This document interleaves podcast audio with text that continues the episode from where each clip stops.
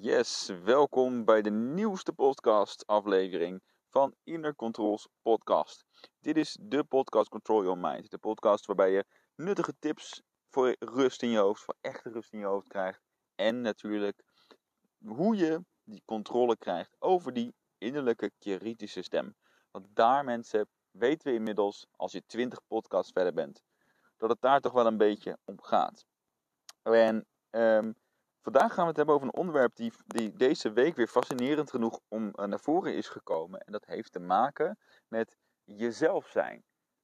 Kun jij helemaal jezelf zijn? En de meeste mensen die niet veel verder denken, zullen zeggen: Ja, natuurlijk kan ik mijzelf zijn. Maar het tegendeel is vaak waar. Als je heel eerlijk bent, zul je vaak zien dat je je aanpast voor anderen, in het bijzijn van anderen. En met name voor mensen die op de een of andere manier uh, belangrijk kunnen zijn voor jouw ego. En hoe meer je bezig bent geweest met persoonlijke ontwikkeling en je hebt hierin verdiept, des te minder je moeite hoeft te doen om eigenlijk iemand anders voor te doen dan dat je daadwerkelijk bent. Nou heb je natuurlijk mensen die dat heel extreem doen. Dat kunnen bijvoorbeeld mensen zijn die echt psychopathische verschijnselen hebben. Zoals eh, een, iemand met een uh, narcistische persoonlijkheidsstoornis. Of um, iemand die echt, echt al trekken, een, een, hoe heet het, een borderliner en dat soort dingen. Dat zijn eigenlijk gevallen waarbij het heel extreem is doorgeslagen. Daar wil ik het nu niet over hebben. Ik wil het eigenlijk hebben over de normale persoon, zoals jij en ik, die um, en ik hoop niet dat je dit luistert, dat je je toch identificeert met zo'n stoornis, dan is er denk ik wat anders nodig. Dan kan ik je misschien toch goede tips geven. Ik ga er nu even vanuit dat je wel uitdagingen hebt op het mentale gebied, maar dat die te overzien zijn en dat je wel zoiets hebt van ja, ik wil hier echt iets aan veranderen. Ik wil eigenlijk gewoon veel meer mezelf kunnen zijn in plaats van dat ik toch elke keer het gevoel heb van shit, wat zal die ander over me denken? Of ik moet me een beetje uh, juist normaal gedragen of aanpassen aan de ander. En mogelijk kun je dat ook echt merken dat je dat uh, aan het doen bent. En als je dat, um, als je dat vaak genoeg doet, zul je merken dat je meer energie verspilt aan uh, allemaal dingen die hier niet noodzakelijk zijn. Met name de, de zorgen die je hebt over hoe je je op een bepaalde manier moet gedragen. Ik heb dat heel erg gehad op het moment dat ik, zeker in de puberteit, wat onzekerder was. Dat ik mezelf eigenlijk ook letterlijk een andere positie ging aanmeten. ik ging wat meer mijn borst vooruit en mijn buik ingetrokken. Ehm, ik had zelfs echt moeite om bepaalde delen van mezelf te laten zien. En ik keek dan altijd bijvoorbeeld, wat is mijn mooiste kant vandaag? En met die kant ging ik letterlijk naar andere mensen toestaan. Ja, bijna was daar een soort angst uh, um, uh, en onzekerheid die, die zo erg was dat je er misschien wel wat aan moet doen. Op dat moment was dat niet zo ernstig. Dus gelukkig is dat allemaal uh, vertrokken. Dus ik heb het nu op een manier waarop je misschien wel meer herkent. Dus dat je op je werk bent, ben je wat serieuzer dan dat je misschien bij je vrienden bent. En op het moment dat je bij je ouders bent, ga je toch wat meer of in die kindrol of in een, juist een afzetrol, of ben je wat alerter. En dat zijn toch wel verhalen die ik de laatste eh, weken veel heb gehoord van uh, cliënten en andere mensen die ik heb mogen begeleiden in de workshops. Dat ik merkte van, jeetje, wat, wat, wat, wat vervelend dat je niet eigenlijk echt helemaal jezelf kan zijn. Als ik heel eerlijk ben, zie ik, heb ik mezelf er ook laatst een keer op betrapt. Ik was, ik was als deelnemer uh, naar een grote NLP-opleiding geweest waar heel een paar honderd mensen zijn. En dat is voor mij echt een oplaadplek. Voor sommige mensen denken wegwezen hier. Andere mensen, zoals ik, die wat meer extraverte voorkeur hebben, kunnen daar echt aan opladen. Dus het grappige was wat daar gebeurde. Er gebeurden twee dingen enerzijds was de eerste 30 mensen die naar me toe kwamen, omdat ik veel mensen daar ken uit die, uit die wereld, uh, zagen mij als coach en vroegen of ik kwam coachen of ik kwam helpen. Um, en, en ik merkte zelfs dat sommige mensen een beetje tegen me opkeken. En dat voelde heel vreemd. En ik had het in het begin niet eens door, maar na zoveel van die reacties merkte ik aan mezelf dat ik me, mezelf ook zo begon te zien. En dat het daardoor dat ik mezelf een bepaalde um, waarde, een bepaalde rol ging aanmeten, heel onbewust. Totdat ik zoiets had van, wacht eventjes, volgens mij reageer ik nu anders. Volgens mij reageer ik nu een beetje te netjes of te, uh, te veel vanuit een rol. En zat ik dus ineens in een coachrol. In plaats van dat ik er eigenlijk was om deelnemer te zijn. Dus ik denk, hé, hey, wat gebeurt hier? En ik heb mezelf dus afgevraagd: hoe kan het nou dat dit gebeurt? En waar ik al snel achter kwam, is dat als je veel het verhaal verteld krijgt, neem je dat over en ga je het zelf ook geloven. En een deel in mij vond dat wel prettig, vond dat wel fijn. Hè? Dus altijd een deel die, het ego, die vond het vooral fijn om wat aanzien te krijgen. En een ander deel had het daar heel moeilijk mee. Dat was mijn kindsdeel die graag wilde spelen, vrij uit wil zijn. En met de intentie was gekomen om juist lekker, lekker los te kunnen zijn. Om lekker gek te kunnen doen. Nou, en in die innerlijke strijd die ik toen opmerkte, ben ik gaan werken en gaan zitten. En heb ik dus allebei de partijen aangehoord. En wat wil dat deel wat graag belangrijk gevonden wil worden? Die is namelijk naar de kernwaarde significantie aan het zoeken. Die ligt daaronder. En het andere deel was meer de kernwaarde plezier en avontuur. En die wilde gewoon eigenlijk meer spelen. Dus om die delen weer te integreren, heb ik die delen samengebracht om te kijken naar welke gemeenschappelijke um, waarde ligt hieronder. En in dat geval, moet ik even goed, goed nadenken, was het volgens mij vrijheid. Ze wilden allebei vrijheid. En die ene wilde dat verkrijgen door lekker ongeremd en lekker gek te doen. En die andere wilde een bepaalde manier van vrijheid ervaren. Door via een soort, nou ja, moet je zeggen, een soort statussymbool, een rol van vrijheid te krijgen. Omdat je dan eigenlijk niet meer je hoeft te onderwerpen. kun je je voorstellen dat als je eh, als een deel voelt dat hij ergens bijvoorbeeld boven staat, dat die wordt gezien als bijvoorbeeld de, de meerdere, die voelt zich dan ook op een bepaalde manier vrij, omdat hij niet meer onder tegen iemand op hoeft te kijken. Nou, en door dat integreren van die twee delen, dit noemen we ook wel uh, de visual squash techniek, kun je die delen weer samen laten werken. En dat kan dus ook met delen in je mind. En dat heeft me enorm geholpen om vanuit die dag um, heel lekker los te kunnen doen. En het, meest bijzondere was dus dat ik toen iemand tegenkwam die het beste in mij naar boven haalt. En je kent wel van die mensen waarbij je echt, echt direct het gevoel hebt: hier hoef ik niet eens. Het gaat zo automatisch dat ik mezelf kan zijn. En dat eigenlijk je gekste versie, je meest drukke, lekkere, uh, spontane editie uh, meteen wordt getoond. En zo iemand kwam ik tegen. En ik, het grappige was, ik was op dat moment in gesprek. En dat was kort nadat ik die oefening had gedaan. En op dat moment sprong ik op en gaf ik een hele gekke geel knuffelde ik diegene en, en, en, speelde ik voordat ik wist um, het samen, want ik zag, ik had die persoon al heel lang niet gezien.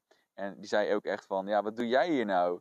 En ik zeg, wat doe jij hier nou? En toen moest ik denken aan een passage van de Leeuwenkoning, waarin Nala en Simba tegen elkaar opbotsen. Nadat Simba al lang is weggelopen. En dan rollen ze over elkaar heen en dan zien ze ineens dat, ze, dat, zij het zijn. En dan gaan ze dus dat tegen elkaar zeggen. Wat doe jij nou hier? Dus ik deed, hey, Nala, Simba. Ik ging helemaal een, een sketch uh, op, opzetten. En dat ging heel natuurlijk. Daar heb ik niet over nagedacht. Dat ging heel... En toen merkte ik ineens van, hé, hey, dit is dus dat andere stuk die heel graag wil spelen en avontuurlijk wil zijn. Even een lange inleiding om het onderwerp van vandaag in te duiden, jezelf zijn. Iets wat voor mij al uh, heel mijn leven eigenlijk lastig is, omdat, nou ja, lastig is het geweest. Het is nu eigenlijk best wel oké. Het, is, het het is goed, het is meer dan goed misschien wel. En ik moet mezelf niet te streng voor mezelf zijn. Want het gaat erom dat in de meeste gevallen, bijna alle gevallen, ik eigenlijk volledig mezelf kan zijn. En natuurlijk zijn er wel uitzonderingen. Op het moment dat ik vaderrol heb van Evie, dan uh, ben ik soms heel speels. Maar soms heb je ook een rol aan te nemen. Dat je even de lijnen strak hebt te trekken als ouder. Dus daar is het wel anders. En op een oude avond is het, zit ik er net iets anders bij dan bijvoorbeeld uh, bij mijn allerbeste vriend tijdens een, weet ik niet wat, een leuk avondje met elkaar. Dus dat is natuurlijk, daar zit natuurlijk wel iets variatie tussen. En het, eigenlijk vind ik dat best wel gek. Dus er zijn dus, dus blijkbaar laten we toch door omstandigheden onszelf meer of mindere mate toe. En jij doet dat waarschijnlijk ook. Kijk maar maar eens, waar kan je echt en bij wie kan je echt jezelf zijn? Dat zijn de mensen waar je je waarschijnlijk graag onder bevindt. Maar is dat ook zo op je werk? Als jij zin hebt om op de tafel te gaan dansen, kun je dat dan doen op je werk? Als je zin hebt om bijvoorbeeld even een, een naar woord te zeggen, een scheldwoord, of, um, of dat, je, dat je een hele schuine grap wil maken, kun je het dan gewoon zeggen of hou je jezelf dan in? Ik heb altijd heel veel bewondering gehad voor mensen die lijken eigenlijk helemaal geen grenzen te hebben. Alleen ook die mensen komen vaak in problemen. En ook bij mij is dat gebeurd. Ik ben iemand die veel um, laat ik zeggen, heel uitgesproken ben in, in heel veel dingen. ik zeg snel wat ik denk. En ik merk ook dat soms dat niet helemaal acceptabel is. Dat bij sommige, in sommige gevallen ja, misschien, misschien niet helemaal zo is. En soms heb ik daar jaloezie naar gehad naar andere mensen. Maar ik wist ook wel gewoon, ik ken een paar mensen en dat, zie je, dat vind ik een van de mooiste eigenschappen van ADHD hebben. Iets wat bij mij ook is, een keer is aangemeten. Ehm, is dat je dat wat makkelijker kan. En daardoor ook uh, is zo iemand heel goed te modelleren. Hè? Dus wat doet die persoon? Wat gelooft die persoon? En um, waarom kan die persoon dat wel toelaten? Het is heel goed om daarvan te leren. En daarop jezelf is te bevragen: wat is de reden waarom jij het niet doet? Wat houdt jou zelf in? En bij wie hou je je in? En waarom? Als je dat namelijk weet, veel mensen um, denken eigenlijk dat ze een bepaald beeld zijn. En dat maakt het meteen een onderwerp waardoor het vaak minder snel opvalt. Je denkt dat je volwassener en, en, en, en ouder bent geworden, waardoor je wat wijzer bent en wat serieuzer. En vaak is het toch nog stiekem een stemmetje in jezelf dat het verlangen heeft om weer te spelen, om de avontuur in te gaan, om lekker gek te doen. En op een gegeven moment krijg je zelf kinderen en die vinden dat dan super awkward als je dat doet. En sommige ouders hebben daar scheid aan. En sommige ouders niet. En die, die gaan dus eigenlijk um, zich aanpassen. En hebben zich mogelijk ook al aangepast aan een partner, aan ouders van hunzelf. Of zelfs hun kinderen die, die zich schamen eigenlijk. Want dat wil je niet dat je kindje zich voor jou schaamt. Dus dan ga je je misschien wat netter en wat ouderlijker en verantwoordelijker gedragen. En deels is dat ook nodig, die verantwoordelijkheid. verantwoordelijkheid kan samengaan met speelsheid. Ik speel regelmatig nog mee in de speeltuin met Evie. En een van de leukste dingen die ik doe is lekker aan die, aan die touwen en aan die stangen slingeren. En enerzijds gebruik ik dat ook gelijk als workout, als fitness. En anderzijds uh, doe ik dat ook wel echt spelende wijs, om, om een beetje met haar mee te doen. En ik merk dat elke keer als ik het niet doe, als ik serieus eigenlijk blijf op het moment dat zij speelt, dat ik me daardoor minder energiek voel, minder betrokken voel, minder in verbinding en minder liefde voel. Terwijl als ik het wel doe, dat ik dus meer verbondenheid en liefde voel en dat ik me ook veel energieker en speels voel. Dat dat eigenlijk veel meer mijn natuurlijke oorsprong is. En ik geloof dat dat ook al onze natuurlijke oorsprong is. Dat we niet gemaakt zijn om geremd te zijn. En niet gemaakt zijn om uh, niet volledig onszelf te mogen zijn. En een deel van ons eigenlijk in de schaduw moet leven. Terwijl maar alleen dat deel wat anderen willen zien tevoorschijn mag komen. Welk deel van jou zet jij in de schaduw om jezelf een stukje af te schermen? Voor welk deel van jezelf schaam je jezelf stiekem? Of welk deel mag er niet altijd zijn? En probeer, of laat ik zeggen, laat het proberen maar weg. Wees hierin even lekker ongeremd. Daar bedoel ik mee het is makkelijk om te rationaliseren in deze. Van ja, maar het is toch niet gepast als je dat doet. Of het is toch uh, wat andere mensen van mij verwachten. Ik kan toch niet tegen mijn baas letterlijk zeggen wat ik, wat ik vind. Want ja, dan ben ik dadelijk mijn baan kwijt. En hier het echt een heel pijnlijk punt voor veel mensen. Ik vind het pijnlijk niet zozeer omdat, omdat als ze zeggen dat er iets zwaait. Maar omdat ze eigenlijk tegen ze zeggen daarmee tegen zichzelf eigenlijk is mijn waarheid minder waard dan de waarheid van een ander. En dat is een enorm kwalijke zaak. Want waarom mag jij niet voor je mening uitkomen, ook al is dat voor de ander niet leuk om te horen? Hoe komt dat? En kijk er maar eens voor jezelf hoe vaak je dit doet. Het is als je hier bewust van wordt, kan het zelfs storend zijn dat je denkt: shit, ik doe dit veel vaker dat ik dit doe. Ik doe het zelfs bij mijn partner. Hè, daar, ben, hou ik op een bepaalde manier in of aan haar of, of zijn normen en waarden. Of ik eh, ben toch bang om dit deel van mezelf te laten zien. Het, het bizarre is dat we vaak geneigd zijn om de mensen die dichtst bij ons staan, dat we daar denken dat we heel erg onszelf kunnen zijn. Maar in feite is het tegenovergestelde waar. Want diegenen zijn ook vaak de mensen die je het meest kunnen kwetsen. Dus jij denkt bijvoorbeeld, hè, bij mijn partner kan ik echt mezelf zijn. Maar is dat echt waar? Of doe je stiekem bij je, bij je vrienden, zeg je andere dingen die je bij je partner niet durft te zeggen. Ja? Kijk maar eens of dat klopt. En het is ook helemaal niet zo gek. Het komt omdat je, ehm, de reden waarom we ooit besloten hebben dat een deel van ons niet er mag zijn, minder er mag zijn of er voorwaardelijk mag zijn, is omdat we geneigd zijn om die delen te gaan beschermen die, die, voor, uh, die vroeger zijn gekwetst. En dat is ook heel logisch, hè? want je wil niet nog een keer die pijn ervaren die je toen ook had gehad. Dus dat is even waar we het nu over gaan hebben. Is niet alleen waarom je niet meer doet hè, hoe je eigenlijk oorspronkelijk bent, wat de reden daarvoor is. En misschien vind je het ook wel interessant om te weten, hoe kun je ervoor zorgen dat je weer meer jezelf kunt zijn. Daar gaan we het nu meer over hebben. En eerst gaan we eens kijken naar welk masker zet jij op. Want op het moment dat jij, en dan heb ik het niet over het mondmasker dat nu weer op moet vanwege het apenpokkenvirus. Hè, dat is ook een, een bepaalde, dat is een heel ander masker. Maar we, zijn, we zetten allemaal bepaalde maskers op. Een masker, daarmee bedoel ik dat je een ander personika bent. Dus een ander, je personificeert je bijvoorbeeld met een deel, een beschermer in jou. En dat noem ik dan weer die mind. Die in een of andere vorm tevoorschijn komt. Ik heb er al heel veel gezien. Ik heb uh, de lolbroek al voorbij zien komen. Die doet alsof er niks aan de hand is. Terwijl je je eigenlijk ontzettend rot voelt. Ik heb de pusher gezien. Die vindt dat als je een beetje te snel uh, opgeeft. Die bang is dat het dan niet lukt. En je hebt ook uh, de, de onzichtbare tovenaar als het ware. Die tovert jou een beetje weg. En die zorgt ervoor dat je als een echt letterlijk in de schaduw blijft staan. Waardoor andere mensen je niet zien, dat je je verschuilt achter anderen. Omdat jij dan niet in de spotlight staat en niet afgewezen kan worden. Je hebt ook de mondsnoerder en je hebt zo allerlei uh, instanties die uh, bij mensen heel persoonlijk zijn, heb ik gemerkt. Vaak ook zelfs een naam hebben, dan wordt het heel scary voor sommige mensen.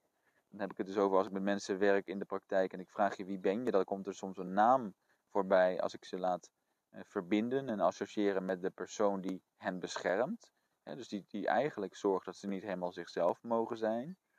En het kan dan vaak een hele goede intentie zijn. Eigenlijk is het in feite altijd vanuit een goede intentie dat toen jij klein was en is er iets gebeurd. er is er een gebeurtenis plaatsgevonden of er heeft zich een bepaald patroon voor gedaan. Het kan ook in, in een ander geval zijn dat je iemand na bent gaan doen om je overlevingskans te vergroten. Bijvoorbeeld je hebt iemand gezien die heel succesvol is ergens in en je bent dat na gaan doen in de hoop dat het dan ook voor jou zo zou lukken. Om dus ook weer vanuit een, verborgen oerangst niet uh, buiten het schip te vallen, buiten de groep te vallen. Heel vaak zie je dat de meest populaire jongen in de groep nagedaan wordt door de andere jongens. En dat geldt bij meisjes bijvoorbeeld precies hetzelfde, zeker op het gebied van uiterlijk. Ja, als die bepaalde merk iets heeft of een make-up, dan volgen eigenlijk al snel de anderen. En bij jongens is het natuurlijk op een andere manier precies hetzelfde.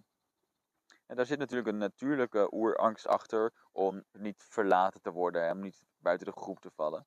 Dus dat is op, op zich ook ergens logisch. Echter, het vervelende is dat die oerangst blijft bestaan als je volwassen bent. Terwijl nu, stel je voor, iemand zou je nu aan de kant zetten. Ja, dan is het helemaal niet zo'n probleem als vroeger, toen je ouders bij je weg zouden gaan. Dat was tenminste wat jij dacht op het moment dat je niet volgens hun voorwaarden meedeed. Bijvoorbeeld als jij lekker speels wilde zijn, lekker wilde bewegen, je continu afgeremd werd.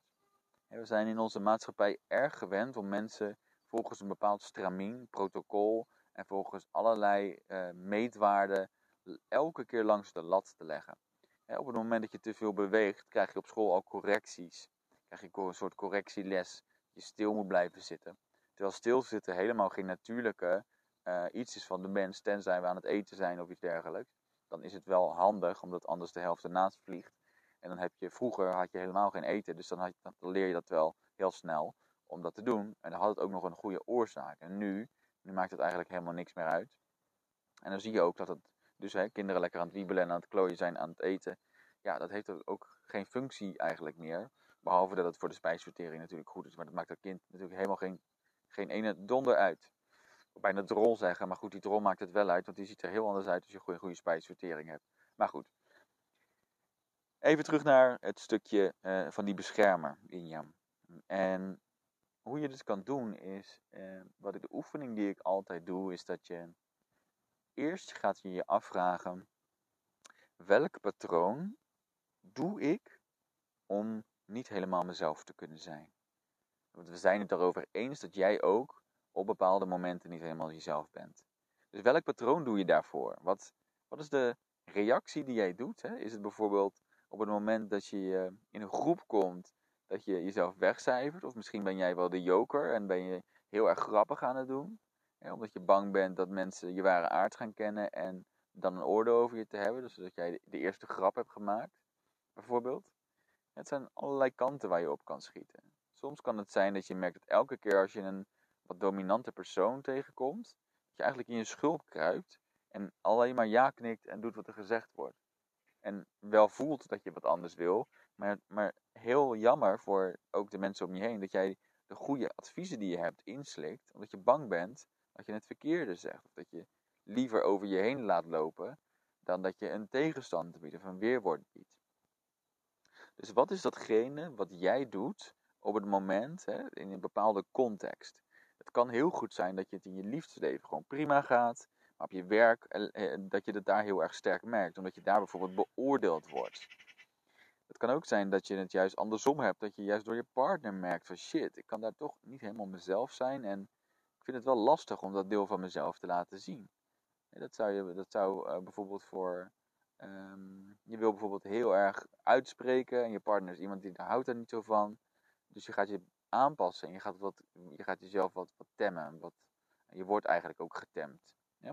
Dat zie je vaak in relaties gebeuren. De ene partner de liefde voor de ander. Toch een beetje zich dus gaat aanpassen. Nou, dat wil je niet omdat je op dat moment, je gaat dat eigenlijk ergens gaat dat onderhuid zitten vroeten. Dus wat je wil is, je gaat jezelf eerst afvragen van oké, wat is hetgene wat ik doe? Dat is één. En als je dan merkt, ja, hey, ik doe bijvoorbeeld deze, dat kan het natuurlijk voor jou van alles zijn. Doe bijvoorbeeld, nou, ik zal een voorbeeld van mezelf nemen. Ik, uh, ik tem mezelf een beetje. Ik, ik hou een beetje de handrem erop. En ik schakel even een versnellingje terug, omdat ik een beetje te veel ben anders voor andere mensen. dus de positieve intentie en dat is de volgende waar je naar op zoek gaat. Wat is de positieve intentie van het deel wat, wat zich dan aandient? En dus er is logischerwijs, als jij je pure zelf bent, is er een ander deel die dat stukje een beetje overschaduwt. Dus wat is de positieve intentie daarvan? Nou, voor mijn geval is de positieve intentie en een stukje zelfbescherming, omdat als ik uh, bijvoorbeeld uh, te ver ga, als ik te veel ga, dan is mijn ervaring dat het wel eens gevaarlijke situaties kan opleveren. Ik ben iemand die, die, die overal speels in ziet. Dus als ik dan denk, hé hey, leuk, dat is een mooi, daar kan ik van afspringen of daar kan ik opklimmen. Dan uh, kan dat wel eens leiden tot bijvoorbeeld een blessure. Of als ik hier nog even lekker in doorzet, of dan als ik daar eventjes um, aangehangen of wat dan ook. Ik, met name vaak fysiek kan ik wel eens daarin te ver gaan. Dus een positieve intentie van dat deel, die dan zegt, doe maar even normaal. Um, bescherm jezelf eventjes en doe even rustig. En eventjes, even dat, dat, uh, dat, dat gevoel dimmen. Dat wil dan natuurlijk dat je veilig bent of dat je niet voor staat. Doordat je bijvoorbeeld dan gebeuren er meestal bij mij dat soort dingen zoals uit mijn broek scheuren of uh, vallen of uh, weet ik niet wat. dat, je, of dat je ergens instapt of weet ik niet wat. Hè. Er kan van alles gebeuren als je onzorgvuldiger bent. En daarmee kun je dus ook uitgelachen worden of wat dan ook. Dus dat deel dat probeert mij dan te beschermen van tegen afwijzing, tegen uitgelachen worden buiten de groep of weet ik niet wat dan ook. Ehm, en ik maak het nu even wat groter om het als voorbeeld te geven, want heel eerlijk gezegd uh, denk ik hier op dat moment bijna niet of helemaal nauwelijks aan. Um, maar dit zou een voorbeeld kunnen zijn. Dus je echt toch denkt van nou, ik, ik, ga, ik ga mezelf toch een stukje wegcijferen. Dat is het uh, meest veilige. Dan is de volgende vraag: wat is het gevoel wat er bij jou opkomt in jezelf, waaraan je herkent dat je in te grijpen hebt? Dus wordt ingegrepen. Daarmee bedoel ik, op het moment dat er iets gebeurt, vaak is er een trigger, hè, dus een situatie. Stel je voor, uh, uh, je baas komt naar je toe en die vraagt: Hey, kan ik je even spreken? Op dat moment gaat er iets aan, hè, dus dat, dat schiet wat door je heen. Dus wat is dat gevoel bij jou als je merkt dat je niet jezelf kan zijn? Hè? Wat gebeurt er dan als je jezelf wil zijn, maar er schiet iets bovenop. Dat voel je ergens in je lichaam. Je, je, kan daar een gejaagd gevoel van krijgen. Je kan een uh, drukkend gevoel in je keel krijgen. In je buik kun je het voelen. Op, of op andere plekken, bijvoorbeeld op je schouders of op je rug. Dus waar zit het gevoel in je lichaam? Nu wil ik je vragen, als je dat gevoel hebt gevonden, als je het hebt geïdentificeerd, dan plaats je dat gevoel naast je op een andere plek in de ruimte waar je bent. Bijvoorbeeld op de stoel naast je, of even naast jou, of voor jou. En je doet dat helemaal intuïtief. Soms is dat pal voor je, soms is dat helemaal aan de andere kant van de ruimte, soms is dat uh, achter je, of, of zelfs bijna onder je, of heel dichtbij. En dan als laatste identificeer jij je met dat gevoel. Je gaat dus eigenlijk jezelf voorstellen dat je uit je lichaam gaat. En dat doe je door op te staan van je eigen plek. Je eigen plek te onthouden. En dan ga je even op die plek zitten van die andere uh, instantie. Dus van dat deel wat jou beschermt. Bijvoorbeeld, in mijn geval is dat, laat ik zeggen even, de rem. Ik noem hem ook de rem. Dan weet ik gewoon, dit is mijn handrem en die, en die trekt aan de rem. Um, het is vaak helaas wel een, een handrem. Het is niet dat hij even rustig, uh, rustig aan zo netjes remt. Weet je, het is echt met schokken. Dus hoppakee, dan weet ik gelijk, oké, die voel ik. Dus op dat moment dat, uh, dat die komt, nou, dan zit mijn rem, die zit bijvoorbeeld achter mij.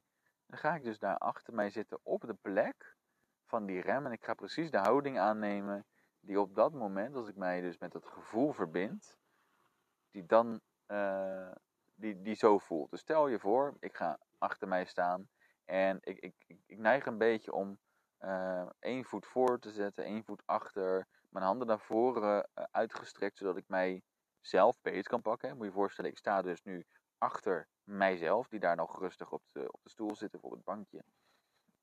En in dit geval zit ik lekker in een bankje in een park en achter mij uh, sta ik dan.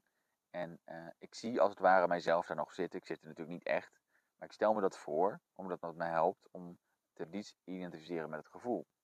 Nou, dan op dat moment voel ik wat die instantie voelt. En voel ik dat die angst voelt. Die heel bang is dat er wat gaat gebeuren.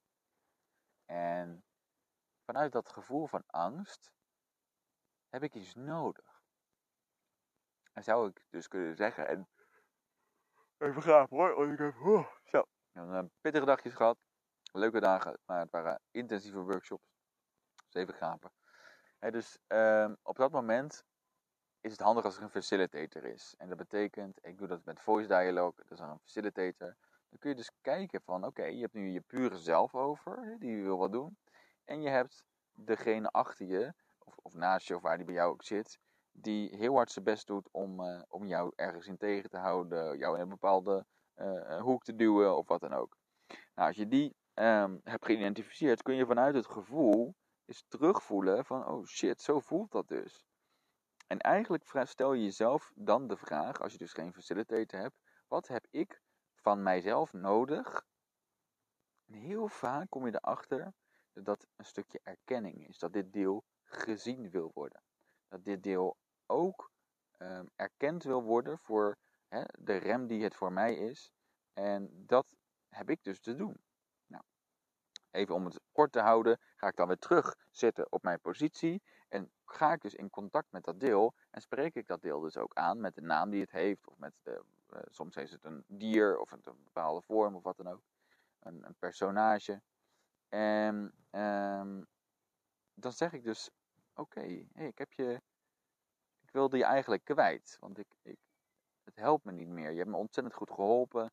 Um, maar ik wilde je kwijt. En het spijt me, want ik besef me dat je een enorm goede intentie hebt. En ik begrijp dat je van me nodig hebt, dat je me ziet, dat ik jou zie. En dat ik jou erken voor wat je hebt gedaan. En bij deze wil ik je die erkenning geven, want inderdaad, je hebt me heel vaak geholpen. Zeker toen ik klein was. En nu wil ik van jou vrijheid krijgen om een stukje zelf te gaan doen. Om te bewijzen dat ik het nu wel kan. Want ik ben gegroeid. Ik heb aan mezelf gewerkt. En ik verdien het recht om die stap te kunnen zetten. Heel vaak heeft er nog wat nodig van die ander, bijvoorbeeld vertrouwen of een bepaalde afspraak. En dan maak je een nieuwe contractuele afspraak met dat deel van jou. Bijvoorbeeld, let op, als ik die grens overga, dan mag jij me beschermen. Maar tot binnen die tolerantiegrenzen wil ik vrijheid hebben en wil ik mezelf kunnen zijn. En op het moment dat het inderdaad klopt, dat op het moment dat ik echt mezelf ben, dat iemand me zo hard kwetst, hè, dat we zoveel pijn hebben, ik snap dat je dat wil voorkomen, maar dan mag je weer bij me komen. Vind je dat goed? En dan gaan we eens even kijken of de wereld misschien veranderd is. En ik doe daar even een notendop, hè, maar hier gebeurt natuurlijk veel meer uh, tussen. Nou, op dat moment maak je een nieuwe deal, maak je een nieuw contract en je kunt wat vaker wisselen, eventueel in van stoel. En dus te voelen hoe dat dan voor de ander is die dat voelt.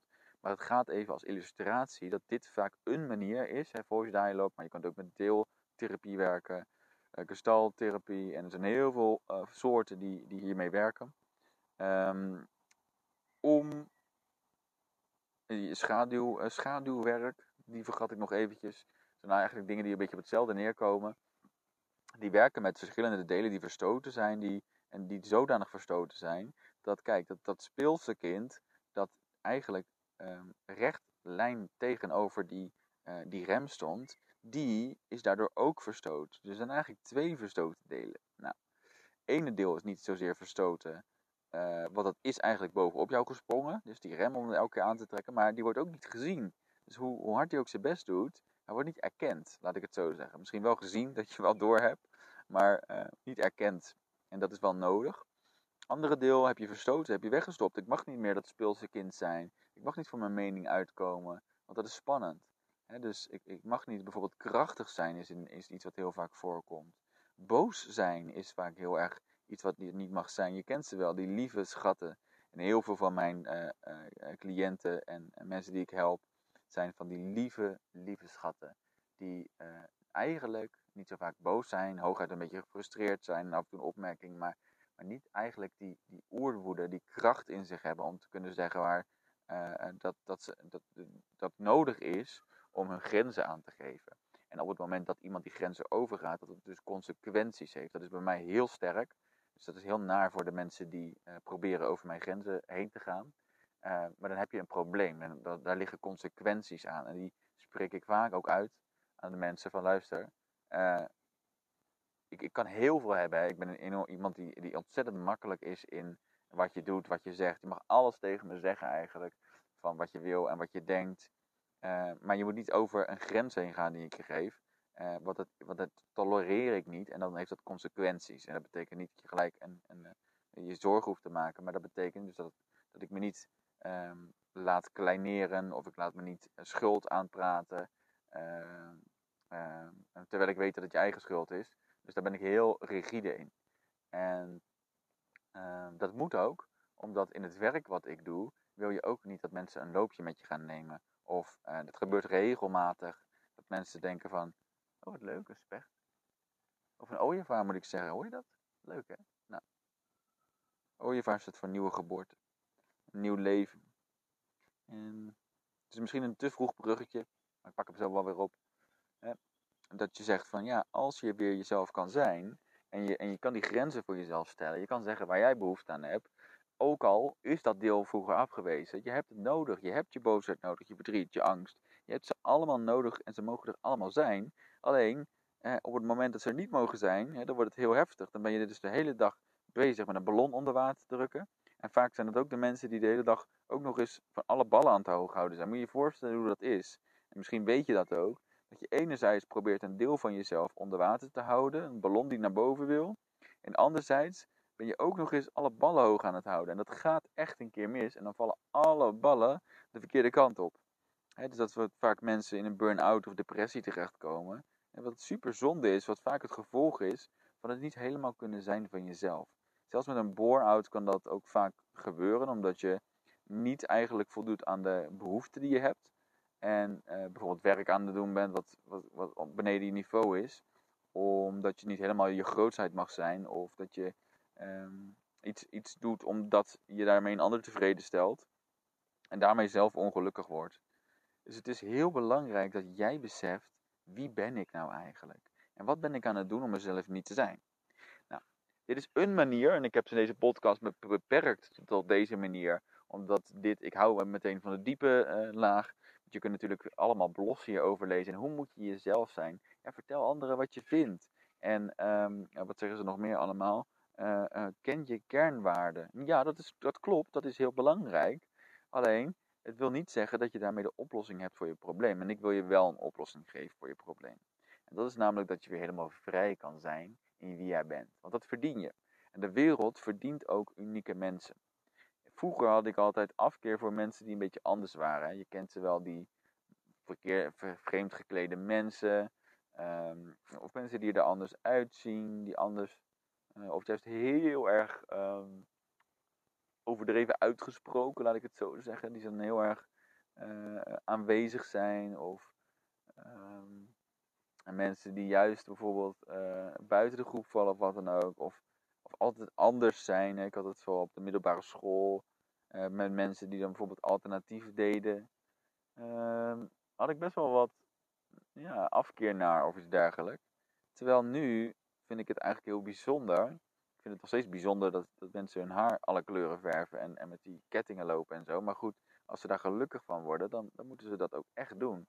Ik denk dat vaak wel een, dat dat überhaupt een masker is. Maar goed, hè, stel je voor dat ze dat hun werkelijke ik is en dat dat moment het goede voor hen. Dan moeten ze dat doen. En ehm, het mooie is als je begrijpt hoe mooi het is dat je uniek bent, dan kun je die uniekheid ook toelaten heb je jezelf te gaan leren om te eren wat dat is. En heel vaak heb je daar de juiste mensen voor nodig om je heen. Want omdat jij, hè, eh, het zijn vaak dingen waar je aan je merkt dat je eh, niet helemaal jezelf bent. Dat het is, eh, en doordat je heel veel energie verspilt. En doordat je de, de verkeerde mensen aantrekt om je heen. En het kan ook zijn dat je het gevoel hebt dat je op je tenen loopt. Dat je continu eigenlijk in je hoofd zit. Omdat je bezig bent met, met je strategie.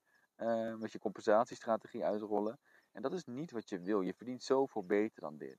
er, zijn, um, er zijn zoveel dingen die, um, die, die, die leuker zijn op het moment dat je helemaal jezelf kan zijn. Want het, het geeft je veel vrijheid, het geeft je minder stress. Geeft je veel meer energiebesparing. Want geloof me, het kost enorm veel energie om een ander te zijn. Ik heb een, een narcissistische uh, ex-partner. En um, ik hoor nog steeds dat zij ontzettend moe is. Ze was altijd moe. En toen ik, zag ik het helemaal niet, want toen was ik nog helemaal niet hierin thuis. Maar ik weet inmiddels dat het kost natuurlijk enorm veel moeite om jezelf in een, in een dwangbuis te houden.